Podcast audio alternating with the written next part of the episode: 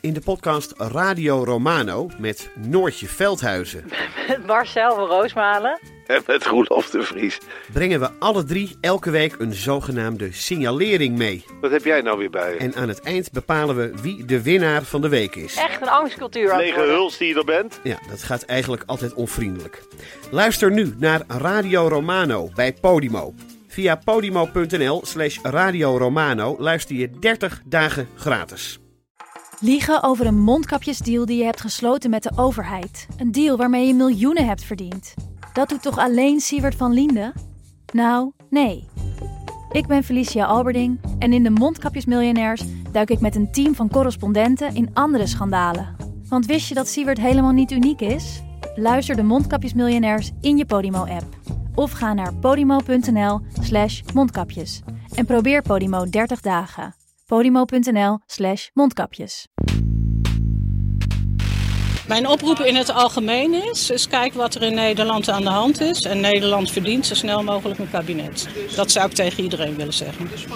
Op oppositie, coalitie, we moeten verder in dit land. Dit is Betrouwbare Bronnen met Jaap Jansen.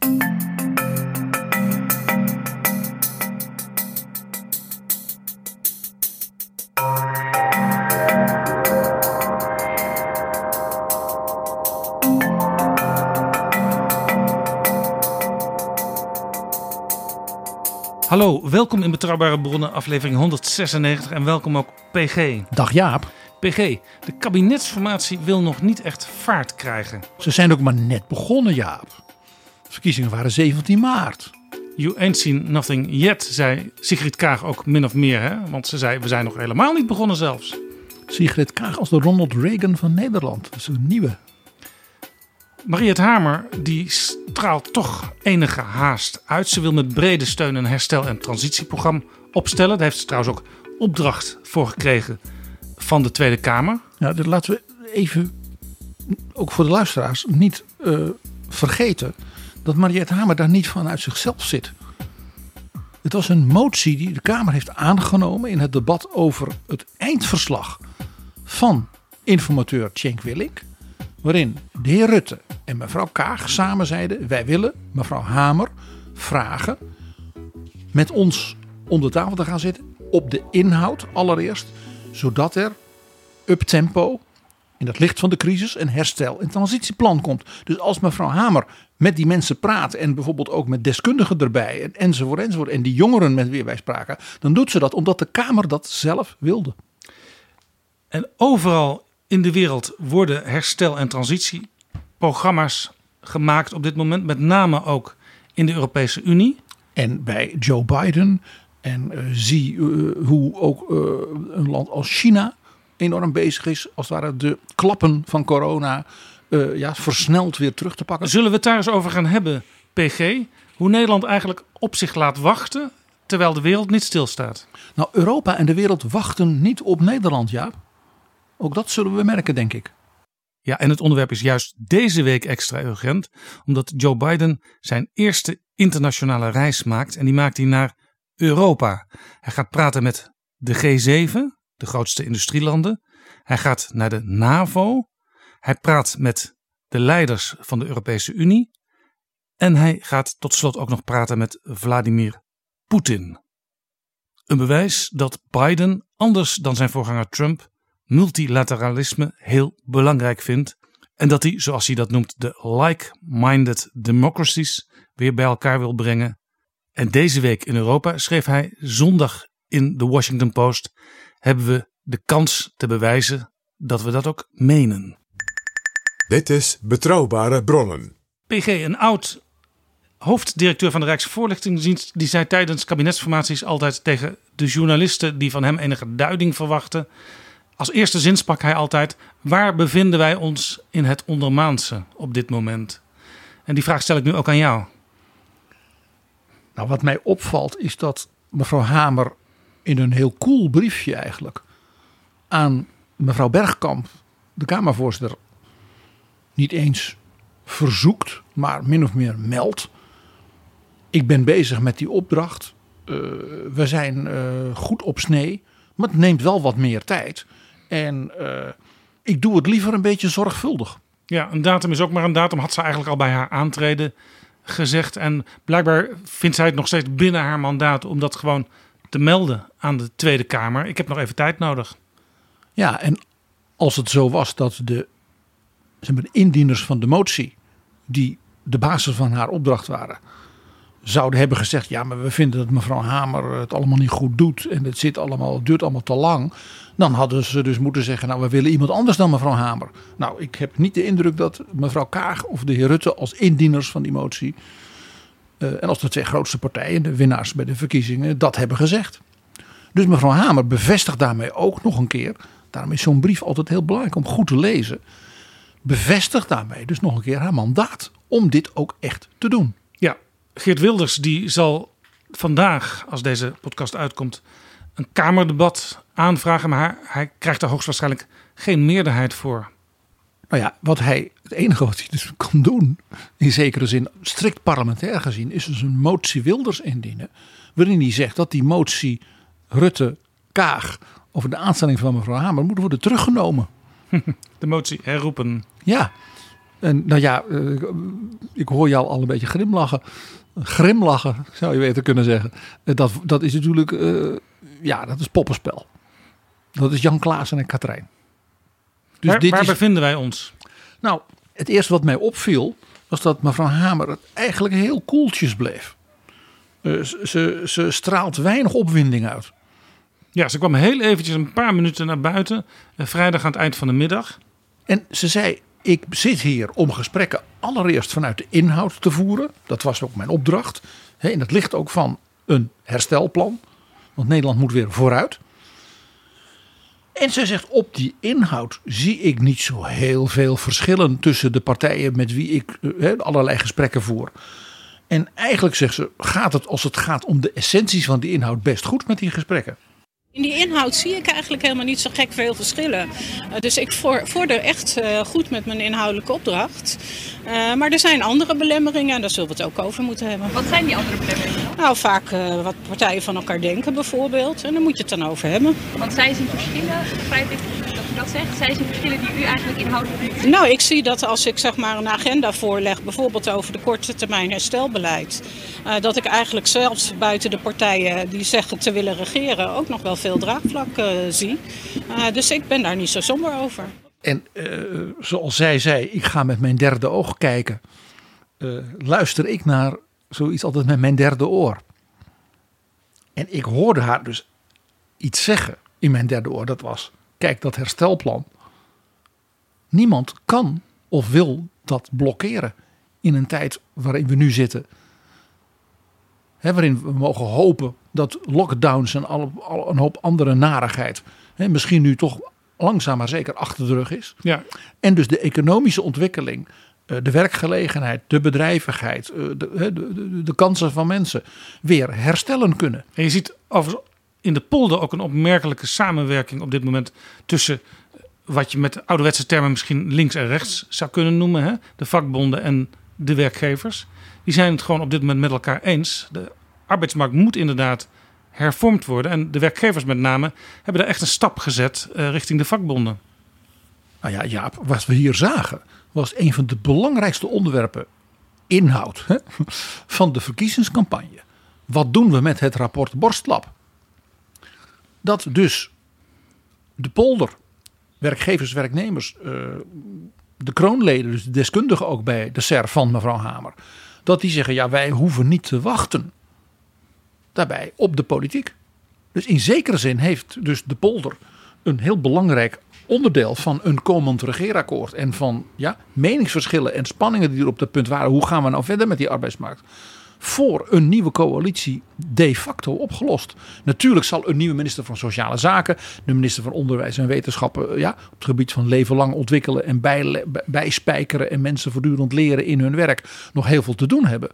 Maar de fundamentele consensus en de basis om aan de slag te gaan, die is gelegd. Ja, en als daar dan al consensus is, zeg maar in de, in de samenleving, dan zou het toch aan tafel bij de informateur ook niet zo ingewikkeld moeten zijn om met een aantal partijen echt serieus eh, ook met elkaar te gaan praten.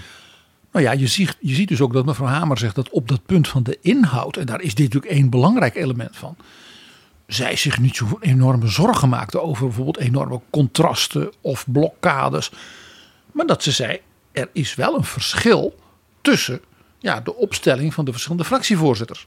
En toen zei ze bijvoorbeeld, zijn er soms wel wat obstakels, blokkades over wat mensen en partijen van elkaar denken. Nou, opnieuw mijn derde oor luisterde naar wat ze hier zei. En ik hoorde toen dat ze zei, kijk, het is dus vooral psychologie. Misschien zelfs wel cultuurverschillen tussen die partijen. En, mag ik een heel, heel ongebruikelijk woord gebruiken, een zekere onwetendheid. Kijk, de partijleiders die hier nu rond de tafel zitten, Jaap. Een groot deel daarvan is volkomen onervaren. Ja, de Is meest, helemaal nieuw. De meest ervaren is natuurlijk eh, Mark Rutte. Nou, de meest ervaren is Mariette Hamer zelf. Dan heb je Jesse Klaver, die al een, inmiddels eh, enige tijd fractievoorzitter is. En ook bij de vorige kabinetsformatie al aan tafel zat. eh, in een deel van de tijd. Ja, die heeft één zo'n formatie als fractieleider meegemaakt. Dan en, heb dat je liep, natuurlijk- en dat liep niet meteen goed af. Nee, dan heb je natuurlijk Wopke Hoekstra van het CDA. Die inviel als net fractievoorzitter is eh, geworden. Die wel ervaring heeft natuurlijk op het internationale vlak als het gaat om onderhandelen. Hij zit in de, in de eurozone, in de, in de eurogroep. Ja, maar dat is echt iets anders dan natuurlijk het onderhandelen als fractieleider namens een, een, een, een, een, een partij. Ja, dan heb je In, in, in, Sigrid Kaag die met dictators heeft onderhandeld. Ook niet gering. Die overigens inmiddels geen fractievoorzitter meer is van D66. Ze is wel partijleider. Maar Rob Jetten heeft het fractievoorzitterschap weer overgenomen. En dan heb je Lilian Ploemen. Die minister is geweest. Nu sinds nog niet heel lang fractievoorzitter. ook invallijsttrekker. Ja, maar ook wel internationaal haar vrouwtje staat. Voor alle helderheid. Fractieleider zijn en onderhandelen in een kabinetsformatie is iets anders dan het werk dat bijvoorbeeld mevrouw Kaag deed. Ik zeg, ik zeg zeker niet dat die vrouw niks kan. Maar zij was een ambtenaar van Ja. de Verenigde Nou ja, in ieder geval, en daar heb je dan zeker gelijk in dat de meest ervarene misschien wel Mariette Hamer is. Eh, je moet ook gevoel hebben voor eh, hoe het in Nederland werkt met al die rare onderhandelingen en vooral ook subonderhandelingen. Eh, de cultuur eh, van het Binnenhof, maar ook de cultuur van het Buitenhof. En de cultuur van je eigen partij. Want Wopke Hoekstra en Lilian Ploemen zijn invallijsttrekkers geworden. Ja? Beide op een ongelukkig moment ja? eh, namen ze het over van een ander. Geen van beiden dus ervaring als fractievoorzitter. Wat mevrouw Hamer weer wel heeft ook.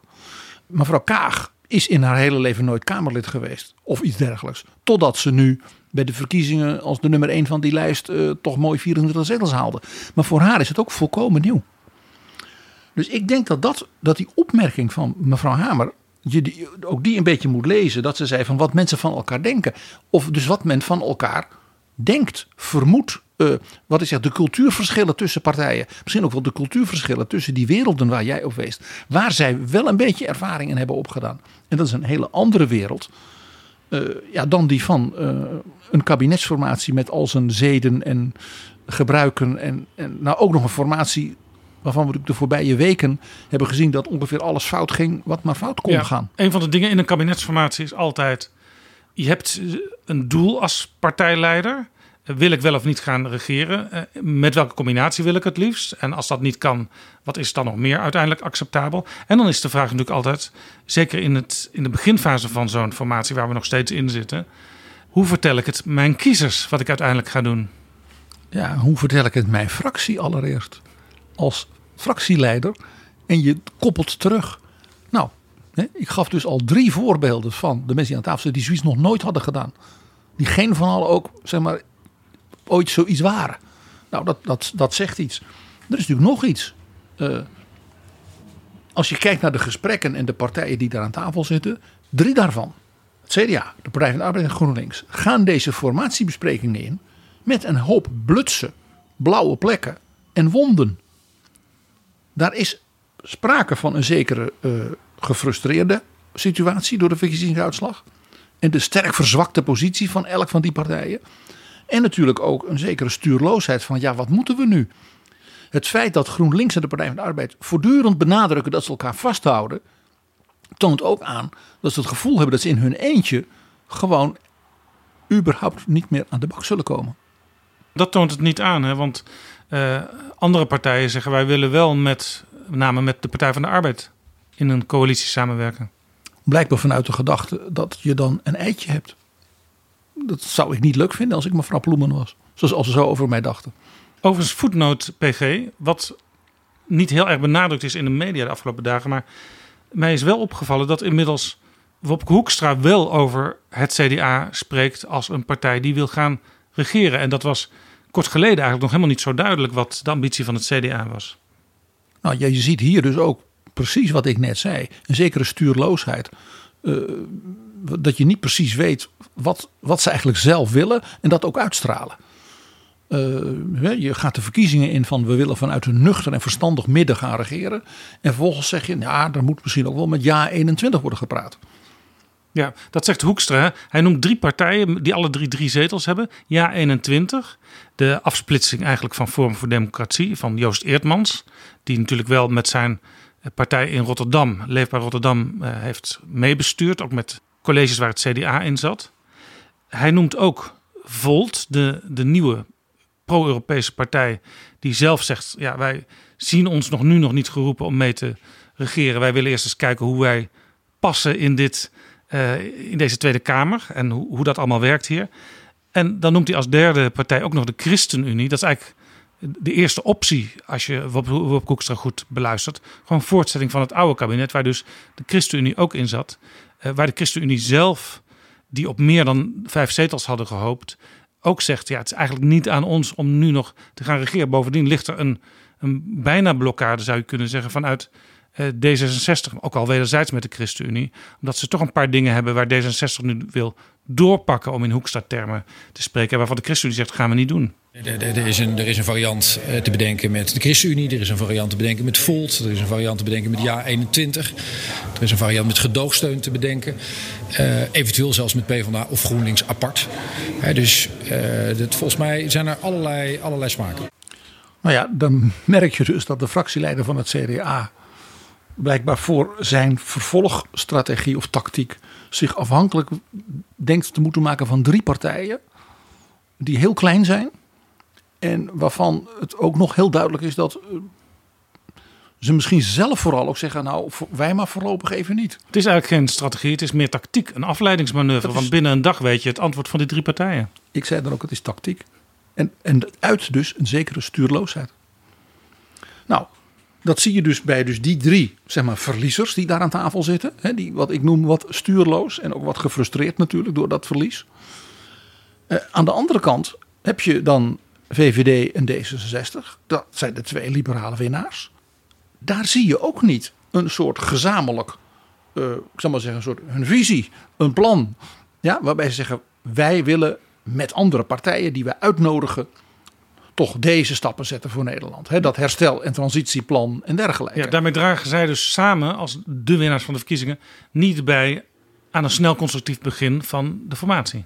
Nou ja, het is dus opmerkelijk dat zij samen die motie indienden met die opdracht van mevrouw Hamer. En vervolgens ja, hoor je ze niet meer. De indruk die ik heb hier ook uit is dat er dus ook weinig chemie is, zal ik maar zeggen. Vanuit we hebben alle twee gewonnen, laten we er nou wat van maken. Dat straalt men volstrekt niet uit. Nee, je ziet ook dat... Die, die radicale ideeën van Mark Rutte, die zijn binnen 24 uur ja, in een heel diepe put weggezonken. Ja, je ziet ook dat de sociaal-liberalen van D66 al overleg hebben gehad op de fractiekamer van D66 met Ploemen en Klaver. En zelfs hun secondanten voor de komende echte formatieonderhandelingen, die zaten daar al bij. En dat uh, Mark Rutte Wopke Hoekstra te hulp is gekomen door te zeggen: ja, ik ben het eigenlijk wel met Wopke Hoekstra eens. Twee linkse partijen erbij, Partij van de Arbeid en GroenLinks, is wat de VVD betreft ook te veel. Nou ja, het is maar of je of je gelooft dat Mark Rutte dit deed om Wopke Hoekstra te helpen. Je kunt iemand ook een doodskus geven door zoiets te zeggen. Maar je ziet dus dat niet Rutte en Kaag als het ware hier gezamenlijk optreden. Maar dat ze los van elkaar, ook in heel losse richtingen. Hè, dus in zekere zin net zo stuurloos. En wat ik noem weinig chemie uh, opereren. En overigens dat mevrouw Kaag met uh, mevrouw Bloemen en de heer Klaver praat dat is natuurlijk alleen maar zeer, zeer te prijzen. Want als je zegt, wij moeten tempo maken en vanuit de inhoud proberen een aantal goede stappen te formuleren voor zo'n plan, dan kun je maar beter bij elkaar kruipen en bijvoorbeeld je beste mensen, hè, dus je secondanten, erbij halen. Om te zeggen welke dingen kunnen wij nou bij mevrouw Hamer op tafel leggen, zodat we meters kunnen maken. Ja. Daar, daar, is niets, daar is niets op tegen. Sterker nog, heel veel pleit daarvoor. Nee, en het is de vraag hoe geloofwaardig is Wopke Hoekstra eigenlijk als hij in de campagne bij Nieuwsuur nog zei met welke partijen hij wilde gaan praten in de formatie. Daar zaten eigenlijk alle partijen bij waarvan Mariette Hamer nu het idee heeft dat zou best wel eens wat kunnen worden. Potentieel is eigenlijk die, die vijf partijen die steeds genoemd worden. Nota bene zat daar nog een extra linkse partij bij. De SP werd ook in de, in de campagne door Wopke Hoekstra genoemd om potentieel regeringspartner te kunnen zijn. En ook uh, Pieter Omtzigt noemde de SP natuurlijk, zeker als het ging om uh, de grote zorgen rondom de, het functioneren van de overheid en, uh, en alle crises op dat terrein. Dus dat maakt het wel erg zwabberig zoals het CDA, ja je hebt eigenlijk al gezegd, zoals het CDA nu opereert. Nou ja, ik gebruikte de term stuurloosheid. Kijk, het verkiezingsprogramma van het CDA was in ieder glashelder. He, dat was Merkeliaans, die mythe. Vanuit het midden regeren, dat is ook nog zo'n pleidooi van, van Wopke Hoekstra ja, dat, dat, dat, dat, vanuit Merkeliaans. Nou, nog één dingetje. Dat derde oor van mij luisterend naar mevrouw Hamer uh, ook oppikte. Zij zei dat de, gesprekken die ze nu ging voeren, hè, waarbij zij nou over de inhoud zijn die verschillen uh, overzichtelijk en daar komen we wel uit. Hè, met natuurlijk als prachtig voorbeeld uh, die arbeidsmarkt. Nou, dat, hè, daar ligt al iets wat, wat, gewoon aangepakt kan worden. Dus vooruit met de geit, zou Hoekstra zeggen. Zij zei: Ik wil vooral met die fractieleiders als insteek kiezen. Kijk nou naar wat Nederland nodig heeft. En dat ze zegt dat als daar wat meer tijd voor nodig is, nou dan nemen we die tijd. En toen kwam dat hele mooie zinnetje, gelezen maar even letterlijk voor Jaap. Maar ik snap ook wel dat je zelf die conclusie moet trekken. Ja. En die je, dat zijn dus die fractieleiders. Zij wil dus de fractieleiders zo verbrengen dat ze zelf concluderen. Dit is wat Nederland nodig heeft. En daar zullen wij het met elkaar ja, mee moeten doen.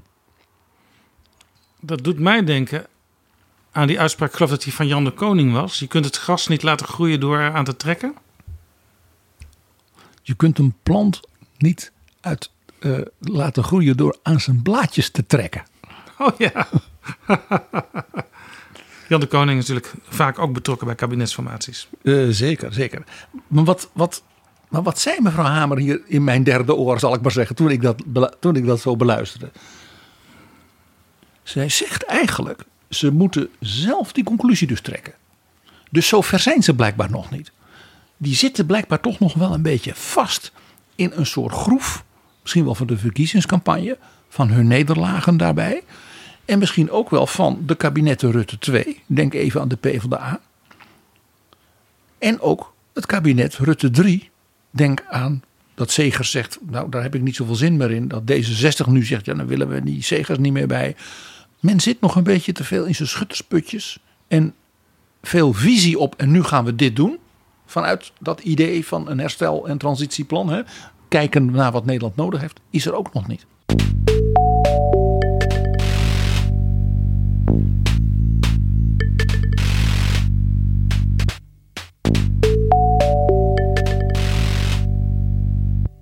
PG, in Nederland draaien de partijen om elkaar heen in de kabinetsformatie. Maar in de wereld, in Europa ook, gebeurt van alles. Daar worden plannen gemaakt.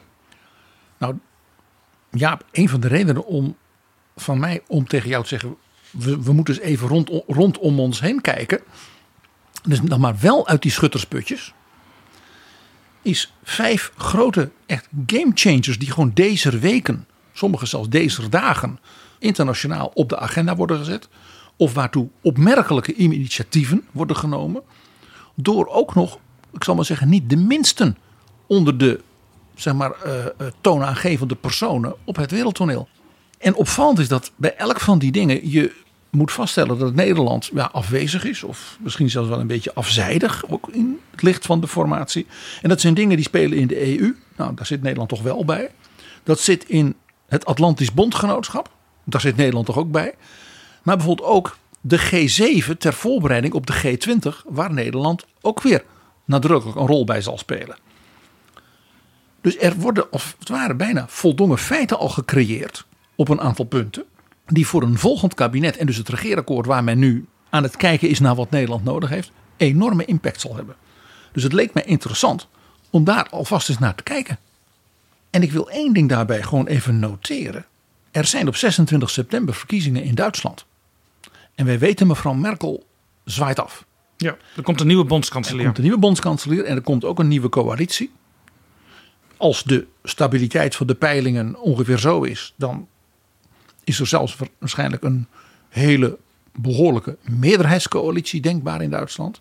Van de Christendemocraten onder leiding van Armin Laschet en de Groenen van mevrouw Baerbock. Dat is interessant als je het naar Nederland vertaalt. Want daar zijn het juist de Christen-Democraten die eigenlijk de Groenen niet aan tafel willen hebben. De Groenen van Jesse Klaver. Ja. En de minister-president van ons buurland, Noord-Rijnland-Westfalen. Met een grote klassieke christendemocratische partij die erg lijkt in heel veel opzichten qua cultuur en ja, op die van Nederland.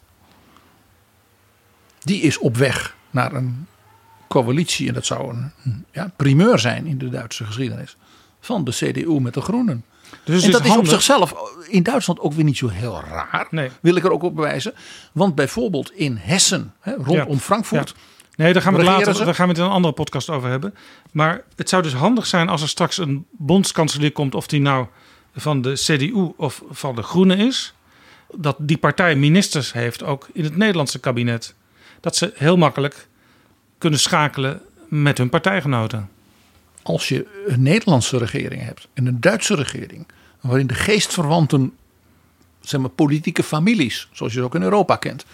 Beide ja, in zo'n eh, coalitie zitten. Maakt dat natuurlijk de samenwerking en het gezamenlijk optreden. En ook in Europa, hè, 1 en 1 is 5. Om maar zo te zeggen, natuurlijk veel, veel krachtiger. Ja, zoals je ook ziet dat Rutte heel erg zijn best heeft gedaan destijds om de partij van Macron in het Europees Parlement eh, samen te laten werken met de liberalen, zelfs samen een fractie te laten vormen. Want dat helpt gewoon in het dagelijkse politieke werk. Waardoor Rutte ook door zijn rol in Europa als langzittende minister-president ook wordt beschouwd samen met Macron als een soort duo-leiderschap van die politieke familie. PG, je hebt het over vijf game changers. Wat zijn die vijf? Nou ja, de allereerste, in de, zeg maar, de meest pregnante van die vijf, kwam het voorbije weekend. En het was eh, Janet Yellen, de Amerikaanse minister van Financiën, de vroegere, zeg maar, Christine Lagarde van Amerika, ja, de chefin van de Fed. Die was op de G7 aanwezig. En die zei: Wij hebben nu eigenlijk ter voorbereiding van G7, G20 als ministers van Financiën zoveel met elkaar, als het ware bereikt. We, dus de afstemming, de coördinatie van het beleid eh, gaat zo ver. Ja, er is zelfs een enorme stap voorwaarts gemaakt hè, met, met een soort percentage voor internationale belastingbetaling voor grote bedrijven, van multinationals. Ja, ten minste 15% Dus dat betekent een soort bodem. En dat is van groot belang, omdat president Biden bij zijn grote zeg maar, herstel- en transitieplan onder andere zegt dat gaat betaald worden doordat we ook internationaal die bedrijven hun fair share laten betalen. En ook de rijken in Amerika, dat bedoelt hij de bovenste 1% van de inkomens, dat die ook gewoon normaal belasting betalen. Ja, en het was al een wens van Europa. Eh, staatssecretaris Menno Snel, toen die er nog was, was daar bijvoorbeeld al mee bezig. Om zoiets tot stand te brengen. En eh, onder Biden gaan de Amerikanen eigenlijk nog sneller dan Europa. En nu zijn ze dus bijeengekomen in de G7. En hebben ze met z'n allen gezegd, die, die hele grote industrielanden en de Europese Unie ook, we gaan dat regelen. En mevrouw Yellen zei: I really consider this a historic achievement. And it shows that multilateral collaboration can be successful. En ze onderstreept nog even: onder Trump heeft dit al die tijd stilgelegen. Ja, het Want Trump wilde juist vooral afbreken. Het sleutelwoord is hier dus eh, eigenlijk nieuw multilateralisme. Eh, want dat was ook eh, wat in elke discussie werd gezegd internationaal over eh, geopolitiek. Ja, Trump breekt de multilaterale wereld af. En Biden is natuurlijk een klassieke senator. Ja, buitenlands beleid. eh, nou ja, zijn hele leven ongeveer. Hij was al heel jong hè, dat hij senator was. En is dus iemand die heel nadrukkelijk, en zeker ook met iemand als mevrouw Yellen als zeg maar zijn, zijn pinch-hitter, hè, eh, daarmee uitstraalt hoezeer hij als president dit tot zijn topprioriteiten beschouwt. En er is nog zo'n vorm van nieuw multilateralisme. Wie wordt binnenkort de voorzitter van de G20? Nou, de belichaming van multilateraal samenwerken. Mario Draghi. Ja, de als premier. van de Europese Centrale Bank. En de premier van Italië stond nu, als het ware, op de rol om dat voorzitterschap op zich te nemen. En dat is Mario Draghi. En reken maar dat hij daar natuurlijk ook in het licht van het Europese herstelplan. en de enorme belangen ook voor Italië zelf daarvan. dat natuurlijk maximaal zal zeg maar, uitbuiten voor die samenwerking. Daar is trouwens iets heel interessants eh, gaande. Eh, Wolfgang Schäuble, de oud-minister van Financiën van Duitsland, nu voorzitter van de Bondsdag, die heeft gewaarschuwd in de Financial Times op 2 juni dat de enorme schulden die nu wereldwijd gemaakt worden voor herstel en transitie, dat die op den duur natuurlijk wel weer terugbetaald moeten worden. Hij zegt ja, daar is veel voor te zeggen, dat is begrijpelijk, maar er is ook een groot gevaar. Het gevaar is de komst van een schuldenpandemie, zoals hij dat noemt. Want dat leidt tot geldontwaarding, het aanjagen van dingen die toch al niet goed zitten, zoals de exploderende huizenprijzen en de enorme stijging van de aandelenwaarde. En jij weet, inflatie, geldontwaarding is een obsessie, een angstvisioen van zeg maar, de Duitse geschiedenis. Ja, de Duitsers zien de kruiwagens met bankbiljetten, omdat ze het anders niet konden betalen. Een stuk brood in de jaren 20 was dat, hè? Ja. Zien ze alweer voor zich. Het punt is natuurlijk ook, uh, dat was eigenlijk ook de redenering van Wolfgang Schäuble. Als de overheid met extreme schulden zit, dan gaat dat ten koste uiteindelijk van de middenklasse en zeker van de armen in de samenleving. Want ja, allerlei belangrijke overheidsuitgaven, zoals onderwijs, zoals zorg, die komen dan in de knel. Tot nu toe denk je een buitengewoon klassiek Schäuble CDU-verhaal. Waarom moet hij daarvoor in de Financial Times ja, in het Engels een stuk wat publiceren? Wij, wat wij in Nederland ook heel her herkennen, want Nederland zit er altijd dichtbij in de redenering. Het is Schäuble klassiek, zou de Duitsers zeggen. Hij zou ook een interview in Der Spiegel kunnen geven of een opiniestuk in Die Zeit. Waarom dit in de Financial Times? Nou, omdat hij bijna achterloos in dat artikel ineens een deur openzet. Waarom ik zeg, dit is de tweede van die vijf game changers. En het moment waarop je het doet en de plek waarop je het doet, de Financial Times, zijn geen toeval. Hij doet het in de Financial Times, want dit is dus niet bedoeld voor binnenlandse consumptie in Duitsland. Want daar weten ze het wel dat hij dat vindt. Die deur die hij openzet, wil hij dus op een soort global audience openzetten. Maar welke deur zet hij open? Want tot nu toe, zoals ik het net samenvatte eigenlijk, Heel kenden we het inderdaad wel van, van Schäuble. Der klassische Wolfgang. Ja. Hij zegt, kijk, ik was, en u zult misschien wel verbaasd zijn, schrijft hij een beetje spottend, een groot voorstander dat Europa uh, zo'n groot uh, herstelplan maakt. En ja, dan moet er worden geïnvesteerd. En ja, dat moeten we doen. En daar is ook alle reden toe. En dat is ook heel goed en grondig te doen. Wat je vervolgens moet doen, is dat je dus als Europese landen met elkaar ook afspraken maakt.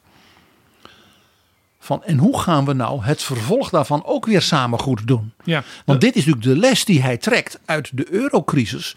Toen te laat ook mensen als hij zelf, als het ware met Griekenland, hè, met Portugal, met Ierland. Want dat is iedereen vergeten, al die landen die allemaal omdreigden te vallen. Dus nationale programma's moesten gaan maken. Ja, er was natuurlijk een, een, een afspraak in Europa dat je het begrotingstekort onder de 3% moest brengen. En uiteindelijk, eh, sommige landen zoals Duitsland en Nederland hebben op een gegeven moment zelfs een overschot gerealiseerd. En dat de staatsschuld niet hoger mag zijn dan 60%. Dat lukt niet elk land. Nou, dat is nu enorm uit, uit de rails gelopen. Maar er is ook gewoon gezegd door de Europese landen onderling. Uh, wij zetten die regels even opzij. Daar, daar hoeven we ons voorlopig niet aan te houden. En Wolfgang Schäuble zegt dus: Ik ben het daar volstrekt mee eens. En ik vind dat ook verstandig beleid. Komma. Maar doe dan ook die vervolgstappen samen en verstandig en goed voorbereid en goed gepland. En maak daar goede afspraken over. Nog even hierbij: PG. De Europese Centrale Bank die heeft natuurlijk ook een hele belangrijke rol gespeeld in de crisis. Eh, die had als voornaamste regel eigenlijk: eh, wij willen de inflatie onder, maar dicht bij 2% houden. En uh, Christine Lagarde, die heeft al aangekondigd, de president van de Europese Bank. In september komen wij met een nieuwe doctrine. Dan, dan zeggen wij hoe wij eigenlijk uh, de nabije toekomst zien als Europese Centrale Bank en hoe wij het willen gaan doen. Dat komt natuurlijk mooi bij elkaar. Hè, als... En jij denkt, jij denkt vast dat dat toeval is dat Schäuble dat stuk in de Financial Times als goeroe op dit terrein van de CDU en de Europese ja, ministers van Financiën, want dat is hij natuurlijk nog steeds, dat hij dit schrijft helemaal toevallig vlak voordat Merkel vertrekt en er dus een nieuwe Duitse regering komt. En vlak voordat mevrouw Lagarde, met wie hij natuurlijk nooit praat, hè, met dus die nieuwe zeg maar, doctrine van haar gaat komen. Wat Schäuble doet, hij legt natuurlijk in feite de grote lijn als het ware al uit voor die beide dingen. En wat PG, want jij zei al, hij doet ook een deur open. Wat zien we als we die deur op een keer open doen? Hij komt met een, ja, voor mij als historicus, de adembenemend voorstel. Hij verwijst naar het eind van de 18e eeuw. Hij zegt, misschien moeten wij als Europese landen die een soort federatie vormen ja, en een gezamenlijk verstandig economisch en financieel beleid moeten voeren, denk ook aan de eurozone, misschien maar eens kijken naar hoe de allereerste minister van Financiën van Amerika, Alexander Hamilton, die dertien verschillende ja, staatjes die toen die Verenigde Staten gingen vormen, als het ware ja, hielp en ook wel een beetje duwde om al hun verschillende schulden die ze toen hadden gemaakt in die oorlog hè, tegen Engeland. Om die republiek te starten. Hoe ze die moesten wegwerken.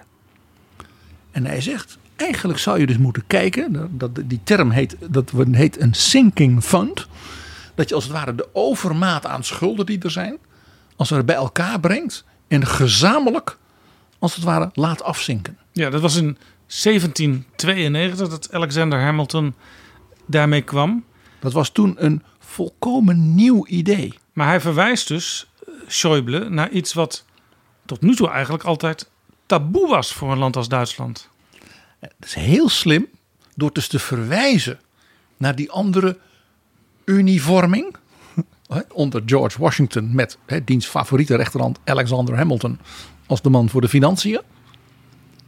Zegt hij in feite, misschien moeten we als Europa wel leren van de ontwikkeling van hoe dat zich toen voltrok. Hij zegt dus niet, want dat is natuurlijk uh, een no-no, zoals dat heet. We moeten maar eurobonds doen. Hè, dus uh, we gaan gewoon uh, staatsleningen doen vanuit Europa. Maar in feite wat hij wel zegt, is dat hij de deuren openzet naar de gedachte dat als er dus situaties zijn, landen in Europa waarvan de staatsschulden zo enorm zijn, dat ze als het ware het herstel wegdrukken. Dat je zegt, misschien moeten we als Europese staten gezamenlijk ons daarvoor inzetten en daar afspraken over maken. Ja, heel interessant. Hij noemt dit een, in het Nederlands een, eurozone schuldaflossingsovereenkomst. Hij verwijst ook in zijn verhaal in de Financial Times naar uh, Mario Draghi. Hij zegt ja, dat, je, dat je zuinig moet zijn en dat je een beleid gericht op duurzaamheid financieel moet voeren. Daar heb ik het met Mario Draghi heel vaak over gehad toen hij nog president van de Europese Bank was. En hij zegt dus een beetje bijna uitdagend naar de straks voorzitter van de G20. Je begrijpt, deze dingen grijpen in elkaar. Hè? Zegt hij, ik ga er natuurlijk vanuit, Mario Draghi kennende, dat hij als premier van Italië die opvattingen die wij toen deelden nog volledig zal delen. Ja, en hij zegt ook, dat idee wat ik nu lanceer, daarvan is wel de crux dat je door budgetdiscipline de schulden gaat verkleinen het samenvoegen van schulden kan daar instrumenteel bij zijn. Het is een instrument en niet een doel. Ja, je moet je wel richten op die schuldvermindering. Want dat, dat is dan ook weer geopolitiek. Als wij als Europa eh, maar voort blijven modderen met die enorme schuldenlast. Eh, ja, dan wordt het economisch, ook in de concurrentie met de Verenigde Staten en China, wordt het gewoon te lastig voor Europa. Nou ja, dat drukt natuurlijk dan het perspectief op herstel juist van die landen waar die schulden natuurlijk het zwaarst drukken. En jij en ik weten wie dat zijn. Hij spreekt natuurlijk Mario Draghi niet voor niks als premier van Italië aan van je gaat nu toch ook weer met mij op één lijn zitten op dit punt. En daarbij speelt natuurlijk nog iets. Europa is anders dan de Verenigde Staten, anders dan China. Natuurlijk een sterk vergrijzend continent. Dus ook zijn, zeg maar, de economische eh, basis voor de groei eh, is in Europa ook een punt voor de lange termijn. Waar je dus hiermee heel nadrukkelijk rekening moet houden. Dus het feit dat, zeg maar, of all people, Wolfgang Schäuble deze denklijn op tafel legt. En ook het moment waarop je het doet. Hè, vlak voor de nieuwe Duitse regering. Vlak voor dus de nieuwe visioen van mevrouw Lagarde. En vlak voor Mario Draghi als voorzitter van de G20. Is voor mij dus die tweede gamechanger. Nederland is ook altijd een nou ja, discipel van Schäuble geweest. Ja, dus Nederland zou eigenlijk, eigenlijk nu de woordvoerder van Schäuble kunnen worden aan al die internationale tafels. Omdat Schäuble zelf niet de minister meer is. Maar nog wel de goeroe. Maar dan moet je dus wel ook aandacht hebben voor die internationale tafels. En niet alleen maar zitten loeren naar die tafel van Mariette Hamer... waar niemand echt wil aanschuiven op dit moment. Nou ja, ik zeg nog iets. De opvolger van Wopke Hoekstra als minister van Financiën... komt dus in een buitengewoon spannende... en in een aantal opzichten ook volstrekt nieuwe omgeving terecht. En misschien moeten ze het daar ook eens aan tafel over hebben. Ja, Overigens, misschien nog even ter illustratie, want dat, dat kwam ik nog tegen in het Financiële Dagblad de, deze week. De, de schuldenlast in de coronaperiode is opgelopen met 30.000 miljard dollar wereldwijd. En dat is een stijging in anderhalf jaar van 12% van de wereldschuldenlast. En uh, als je alle schulden, publiek en privaat, in de wereld optelt, dan is dat opgelopen naar 335% van het bruto nationaal product van de hele wereld. Met andere woorden, niet iets om te veronachtzamen. Daar kunnen we het met Wolfgang Schäuble over eens zijn. Dit is Betrouwbare Bronnen, een podcast met betrouwbare bronnen.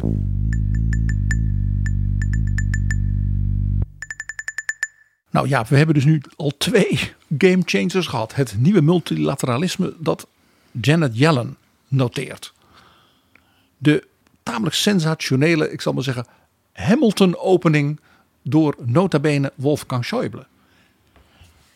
En dan een derde. En die derde, dat was een tweet. Een tweet? En, niet van Trump, maar van een aanzienlijk minder, ik zal maar zeggen, extraverte uh, persoonlijkheid als het gaat om het optreden op, in rallies op televisie en wat dan niet, namelijk van Johannes Haan. Johannes Haan, de eurocommissaris voor de begroting. Hij is een uh, Oostenrijker. Hij komt uit Wenen, heeft hij ook in de gemeenteraad gezeten. En hij wordt uh, door zijn vrienden ook wel Gio genoemd, Gio Haan. Dat is trouwens ook weer samenvoeging uh, Johannes. Zeker, ik vermoed dus dat hij is vernoemd als goed Oostenrijkse katholieke jongen naar Giovanni, dus paus Johannes de 23e, dat hij daar, daarna vernoemd is.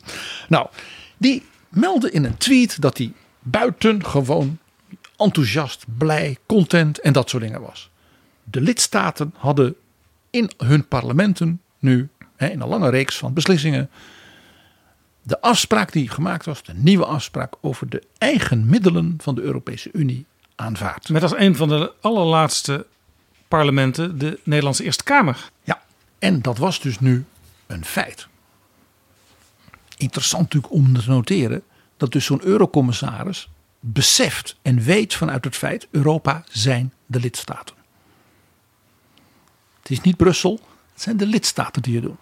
je maakt met elkaar die afspraak. Brussel werkt dat uit als commissaris, dat is zijn werk. met Gert-Jan Koopman, met wie wij ook een mooi gesprek toen hadden over hun werk. Maar het zijn de lidstaten die het moeten doen. En hij zegt, die lidstaten die hebben geleverd, we kunnen dus aan de slag. Ook dit is weer zoiets, een game changer.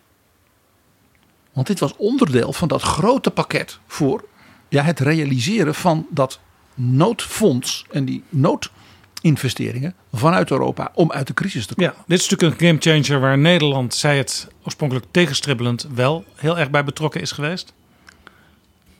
En dus nu zal ook Nederland moeten gaan leveren. Bijvoorbeeld dienen ze een plan in wat een aantal andere landen al gedaan heeft, maar Nederland nog niet. Bijvoorbeeld. En dat het hier snel kan gaan en ook op een niveau, uh, ja, echt van internationale ja, financiële geopolitiek bleek al eerder dit voorjaar. Want toen kon dat noodfonds een soort Europese lening uitschrijven. Dat was iets heel nieuws. En je denkt, ja, zo'n hele nieuwe speler op het financiële uh, veld. Die zegt, ja, wij willen een grote soort staatslening uitschrijven. Nou, maar eens eerst eens even afwachten. Nee.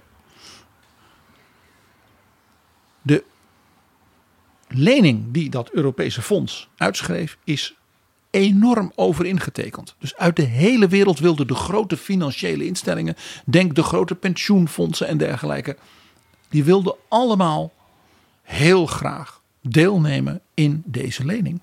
Want men gaat ervan uit, zo'n noodfonds van die Europese landen samen, dat is letterlijk en figuurlijk zo safe als de bank. Ja, geeft overigens ook aan, uh, wat al langer speelt, dat heel veel investeringsmaatschappijen eigenlijk uh, een te grote hoeveelheid geld uh, beheren, dat er niet genoeg investeringsmogelijkheden zijn.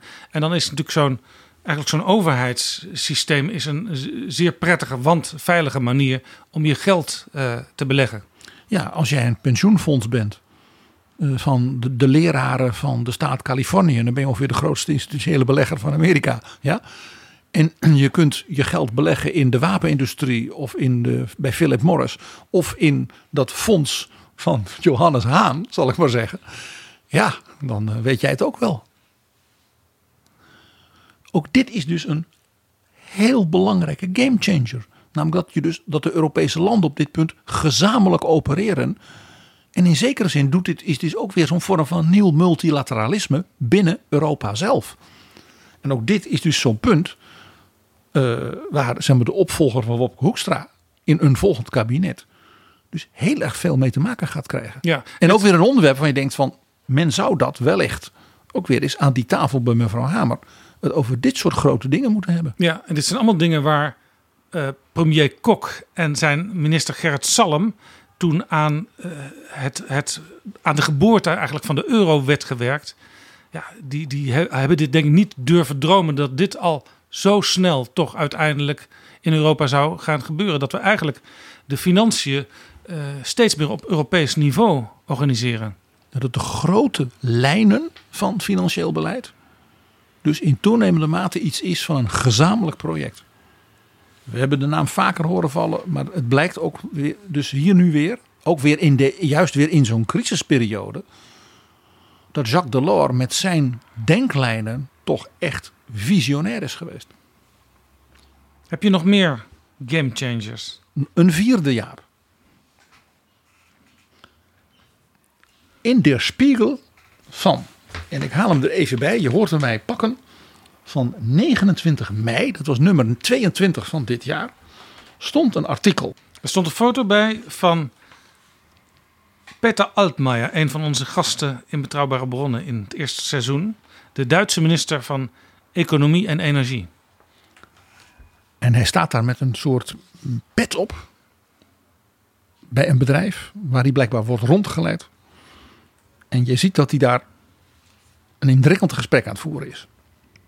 Hij heeft geen pet op, hij heeft een, een helm op. Op een terrein waar misschien van alles naar beneden kan vallen. Ah, dat is het Jaap. Kijk, dan heb jij er weer meer verstand van dan ik. En de titel van dat stuk is typisch, zoals Der Spiegel altijd van die pittige formuleringen. Eine Art Öko-NATO. Hoe vertaal je dat? Een soort klimaat-NAVO.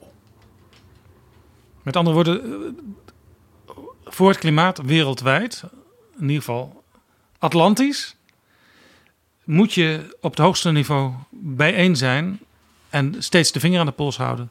Alles wat je afspreekt moet op het hoogste niveau worden gestimuleerd en begeleid. In dat stuk staat dat de voorstellen van bijvoorbeeld Frans Timmermans en van de Europese Commissie om te komen tot een soort CO2-reductie voor de hele Europese industrie, economie en dergelijke. Ja, uiteindelijk naar 0% in 2050. Dat die natuurlijk grote consequenties hebben voor bijvoorbeeld de handel in producten in de wereld. Want als Europa zijn producten daardoor als het ware relatief duurder maakt dan landen die als het ware nog wel zeg maar, vies produceren. Dan gaan die landen als het ware op de Europese markt de Europese schone bedrijven beconcurreren. Dus Europa zegt dan gaan wij een soort tarief heffen. Ja, stond Daarop. ook in diverse verkiezingsprogramma's, zowel voor Nederland als voor het Europees Parlement. Daar wordt natuurlijk hevig over gediscussieerd, niet alleen in Europa, maar ook tussen Europa en anderen in de wereld. En zo weet Der Spiegel te melden dat president Xi Jinping van China tegen mevrouw Merkel en Emmanuel Macron, de president van Frankrijk, heeft gezegd: als jullie dat gaan doen als Europa en dus op onze Chinese industrie en onze producten dus eh, ja, een soort tollen gaan heffen vanuit milieuoogpunt, ja, dan gaan wij natuurlijk handelspolitiek op andere punten Europa dwars zitten. Want op die manier willen we het niet doen. En wij gaan als China dan een alliantie sluiten met bijvoorbeeld Australië en Japan en Korea. En, eh, eh, om Europa dan onder druk te zetten. Dus hier wordt echt hoog spel gespeeld op het hoogste niveau. En Peter Altmaier heeft een gesprek geopend. En schijnt dus een soort overeenstemming te hebben voor de lange termijn met John Kerry. De klimaattsaar van de regering Biden. Die hij natuurlijk nog heel goed kent als de rechterhand van Merkel. In de tijd dat Kerry de minister van Buitenlandse Zaken van Obama was. Ja. En die hebben eigenlijk gezegd: als Europa en de Verenigde Staten op dit terrein samen zouden optrekken. Want de regering Biden wil ook die kant op. En we maken hier een Europees-Amerikaans project van. En we sluiten een soort ecologische NAVO. Dus een alliantie van zeg maar, eh, eh, grote industriestaten ter wille van die CO2-reductie. Dan kunnen ook China en die andere landen Europa dus niet blokkeren en dwars zitten. Want de combi Amerika-Europa op de wereldtoneel, in de economie en dergelijke, is zo sterk dat de anderen dan wel mee moeten doen. Ja, heel interessant. Is- Gaat dan eigenlijk hetzelfde gebeuren wat je al vaak ziet bij producten die bijvoorbeeld op de schappen staan in de supermarkt. Daar zitten allerlei Europese eh, richtlijnen eh, liggen daar aan ten grondslag. En veel van die regels die zijn ook gewoon in een land als de Verenigde Staten gekopieerd van wat Europa al deed, zodat eh, de spullen uit Amerika makkelijker in Europa verkocht kunnen worden en trouwens ook andersom. Dat wat men wel noemt hè, de soft geopower van Europa. En deze eco-NATO, prachtige Duitse term, hè, is natuurlijk een voorbeeld van wel heel nieuw, nieuw multilateralisme. Want die verwijzing naar het oprichten van de NATO is natuurlijk niet helemaal toevallig. Dat was dat president Truman met het Marshallplan. En toen zei wij moeten als westerse landen gezamenlijk optreden op het wereldtoneel om overeind te blijven. Toen tegenover de Sovjet-Unie. Vandaar ook het Atlantisch Bondgenootschap, een grote brug die geslagen werd tussen Europa en Amerika over de Atlantische Oceaan. Ter wille van de positie van de westerse landen op het wereldtoneel. Dus je ziet bijna Biden als een soort Harry Truman van het klimaat zich ontpoppen. Het idee dat als Amerika en Europa samen optrekken, dat je dan ook een land als China en anderen kunt aanspreken. Ja, dat doet dan weer een beetje denken, nota bene, aan Richard Nixon. Die zei van, ik ga als Amerika wel met China praten, ook om de Sovjet-Unie als het ware een beetje eh, eh, koers te houden. Ja, ja, hoewel daar toch wel een beetje met argusogen op dit moment gekeken wordt naar, vanuit Europa naar de regering Biden.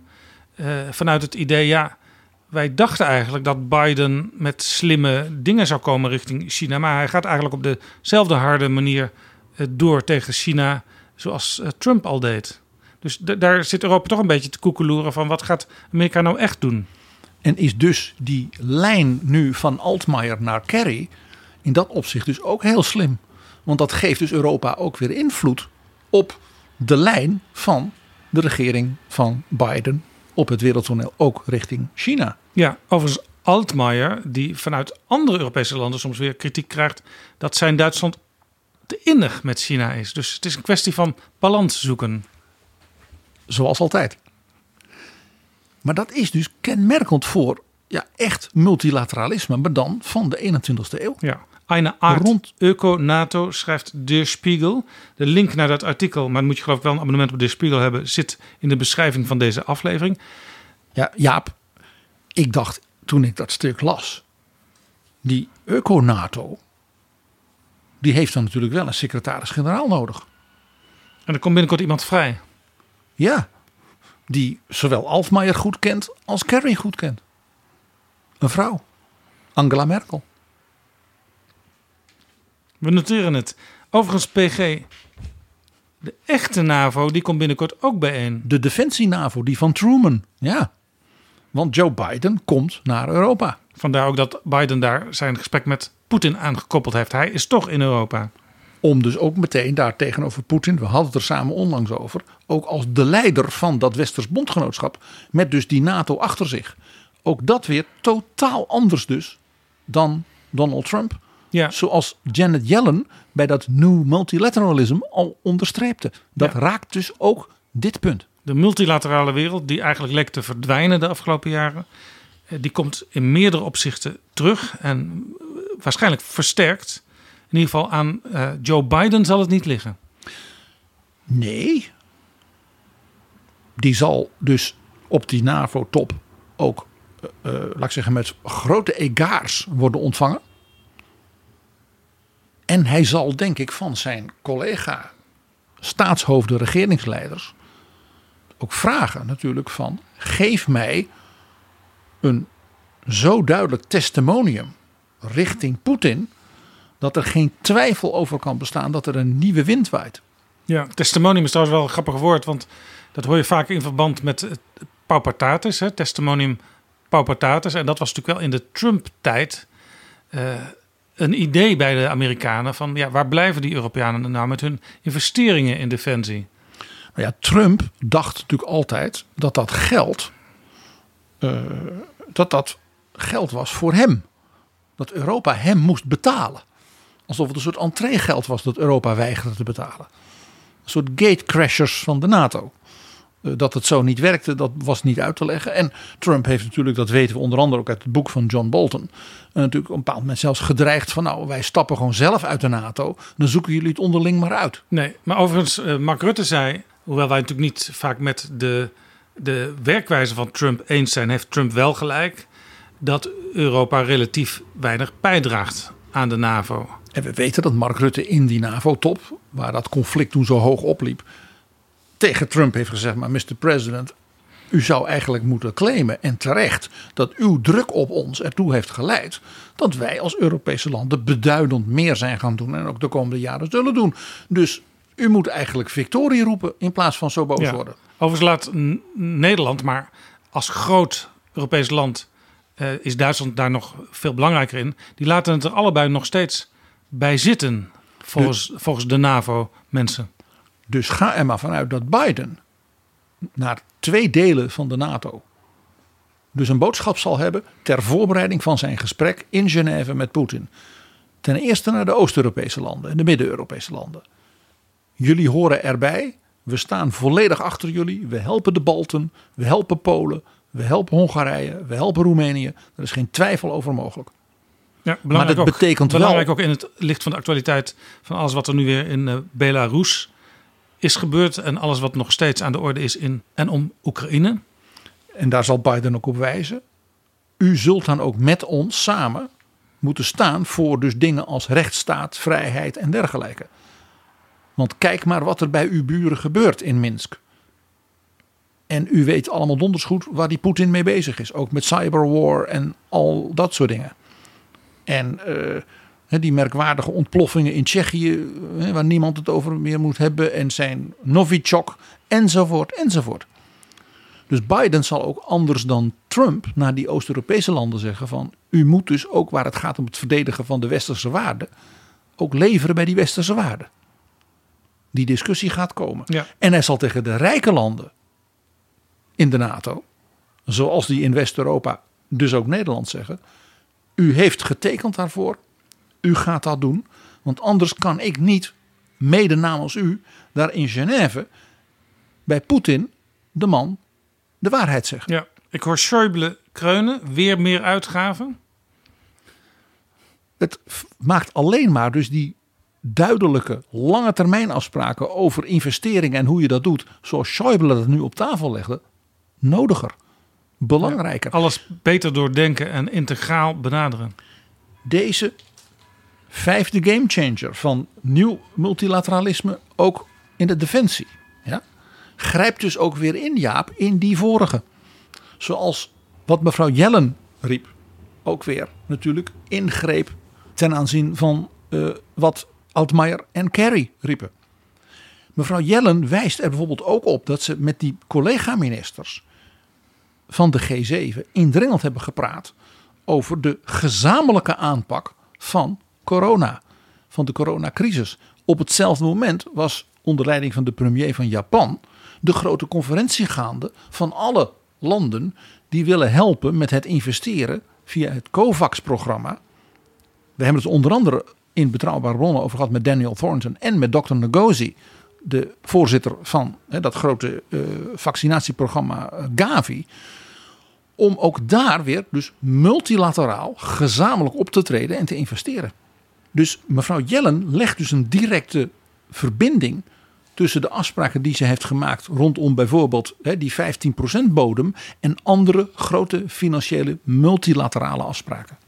En dit zijn dingen die dus allemaal een volgend kabinet en eigenlijk de besprekingen nu hè, bij mevrouw Hamer aan tafel in hoge mate zouden en zullen gaan beïnvloeden. En ook een reden om op te schieten, want er is werk aan de winkel in Europa en in de wereld. Ja, en Nederland zou dus ook niet alleen uh, uh, moeten opletten wat er gebeurt, zal ik maar zeggen. Maar ook bijdragen. Want er zijn natuurlijk allerlei punten. Nou ja, die eco-NATO. Uh, Nederland heeft natuurlijk net als Duitsland een behoorlijk zeg maar, vieze uh, CO2-industrie, om eens wat te noemen. Wat betekent dit dus voor bijvoorbeeld aanscherpingen van het energieakkoord? Wat betekent dit ten aanzien van het verkeer, mobiliteit, maar ook het investeren via het Wopkefonds in innovatie op dat terrein? Uh, we hadden het gesprek met Henk Ovink over naast groen ook blauw Nederlandse kennis op het gebied van water op dat terrein. De defensie, dat extra geld. Minister Bijleveld heeft een middellange termijn perspectief geschilderd in haar stuk wat ze in betrouwbare bronnen met jou en mij besprak over hoe Nederland dat zou kunnen en moeten doen. Als je kijkt naar de verkiezingsprogramma's van de partijen die dus nu aan tafel zitten, Jaap. Aan de linkerzijde uh, is het niet zo dat men zegt ja hoor, dat die 2% dat gaan we even regelen. 2% bruto nationaal product besteden aan defensie. Dat is eigenlijk de NAVO-lijn, die al heel lang geleden door regeringsleiders is afgesproken, die ook va vaak uh, nog een keer opnieuw bevestigd is. En dat is geen plafond, dat is een bodem. Aan de linkerzijde loopt men daar, ik zal maar zeggen, in zijn programma niet echt warm voor. Maar ik wijs ook op de rechterzijde. Want de rechterzijde in Nederland, de PVV, Forum en allemaal dat soort clubs, dat zijn in feite Poetin-vrienden die zijn helemaal niet zo van uh, het Westers bondgenootschap moet zich flink uh, uh, investeren ja. tegenover Rusland. Ja, nou ja, en, en, en centrumrechts, de VVD, die, die liet het ook toch ook een beetje afweten in het verkiezingsprogramma als het ging om naar die 2% defensie te gaan. En wat me ook opviel, de, de, de SGP, ook toch echt een, een rechtse partij, die heeft ooit het initiatief genomen om de discussie in het Nederlandse parlement over die 2% weer aan te lieren. Uh, zelfs een motie aangenomen van Van der Staaij, waarin uitgesproken werd: daar moet Nederland zich weer op gaan richten op die 2% BBP aan defensieuitgaven. Zelfs de SGP die liet het afweten in het verkiezingsprogramma als je dat programma goed leest. Dus er is nog heel veel werk aan de winkel voor Ank Bijleveld of voor haar opvolger. En bij deze vijfde van die vijf game changers. Biden komt naar Europa en ook hier nieuw multilateralisme, zal Nederland dus ook nog moeten leveren. En een nieuw kabinet kan niet zeggen, ja, wij waren het te druk met andere dingen, meneer Biden. Ja. Toen u uh, in Genève was. Wat mij trouwens opviel, onlangs was er een Europese top in Porto, een sociale top. En daar was Mark Rutte niet lijfelijk aanwezig. Hij keek mee via het scherm, dat deed trouwens Angela Merkel ook. Dat is toch raar, want ook op sociaal gebied gebeurt van alles in Europa. Misschien zou Rutte hiermee kunnen aangeven: ja, wij vinden dat niet zo belangrijk, dat sociale Europa. Er is natuurlijk in het verleden ook al wel vrees geweest dat Europa zijn klauwen op de, op, de Nederlandse pensioenen zou gaan, gaan, gaan, gaan richtte. Het interessante was dat Rutte als argument waarom hij uh, er niet heel erg bij was, gaf, nou wij doen het als Nederland al heel goed. Dus uh, we hoeven er dan als het ware met de anderen in Europa niet te veel over te praten. Maar dat is gek, want Joost Korte, de directeur-generaal Sociale Zaken, die in Betrouwbare Bronnen te gast is geweest, die zei juist uh, wat Nederland bijvoorbeeld heeft gedaan uh, met de nieuwe pensioenplannen en ook wat de commissie Borslap heeft voorgesteld. dat kan ook interessant zijn voor andere Europese landen. Want ik vind wat Koolmees en ook Lodewijk Asscher hebben gedaan buitengewoon indrukwekkend. Dus je kunt ook een voorbeeld zijn voor andere landen. Uh, een heel mooi voorbeeld is dat uh, de Europese Commissie, Joost Korte en dergelijke, op het gebied van de jeugdwerkloosheid, het beroepsonderwijs, jonge mensen dus aan het werk krijgen, opleiden, uh, alles op dat terrein, altijd heel erg nu naar Nederland wijst wat het Nederlands beroepsonderwijs allemaal uh, op dat punt heeft ontwikkeld en presteert. We hadden het er onlangs over toen we het hadden over het Leidse kennissysteem. Waar ook het HBO en het MBO zo'n nadrukkelijke rol speelt. En ook naar voren kwam dat de Europese Commissie zegt. Zoals Nederland het aanpakt, zouden we eigenlijk in heel veel regio's in Europa moeten doen. En men is dat ook zelfs in hoog tempo aan het opbouwen. Dus Nederland zou op zo'n onderwerp, als het ware, ook met een nieuw kabinet, zelfs zijn positie kunnen versterken in Europa. Nou, als het ging om de pensioenen, is Nederland natuurlijk al een superpower in Europa. Dus het is heel opmerkelijk dat Nederland ook op dit onderwerp als het zich een beetje aan de zijlijn blijkbaar beweegt. Dat je als premier dan ja, zegt van nou ja, ik kijk wel mee bij het scherm. Maar ach, we doen het al goed, dus we hoeven niet zo te luisteren of te praten met anderen in Europa. Dat is niet nieuw multilateralisme. Dankjewel, PG.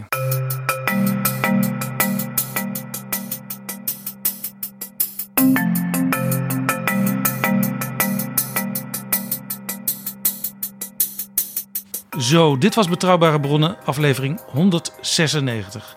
Deze aflevering is mede mogelijk gemaakt door de Europese Unie. PG, wij krijgen allerlei verzoeken van luisteraars om snel weer een aflevering te doen over de Amerikaanse burgeroorlog. Mensen zijn erg benieuwd hoe het, hoe het verder gaat. Er is ook een suggestie van een luisteraar om een keer echt structureel een diepgaand aandacht te besteden aan de opmars van de, de groenen in Duitsland. Er is ook iemand die zegt: uh, gaan jullie een keer iets doen aan de Belgische politiek? Er komen dus eigenlijk steeds meer verzoekjes binnen van luisteraars om bepaalde onderwerpen aan te gaan snijden. Uh, ja, ik word altijd heel blij van die suggesties. Want een aantal van de opmerkingen die jij nu net noemt. Ja, dat zijn dingen die we als het ware al in de planning hebben. we hebben zelfs in deze aflevering ook alweer over de groenen in Duitsland en hun bijzondere rol er aandacht aan besteed. Ja, er, uh, er komt nog veel meer. Dank luisteraars en uh, geef dat soort suggesties, want die kunnen ons ook weer inspireren om bij het bedenken voor het komende seizoen van bijvoorbeeld een aantal historische series ook weer die we zouden kunnen doen.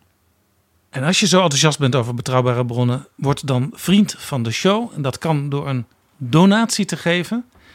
Veel mensen die geven ons 3 euro per maand. Dat wil zeggen in één keer 36 euro. Daar zijn we heel blij mee. En zo kunnen we nog veel meer mooie afleveringen maken. Ook in het komende seizoen. Betrouwbare bronnen wordt gemaakt door Jaap Jansen in samenwerking met dag en nacht.nl.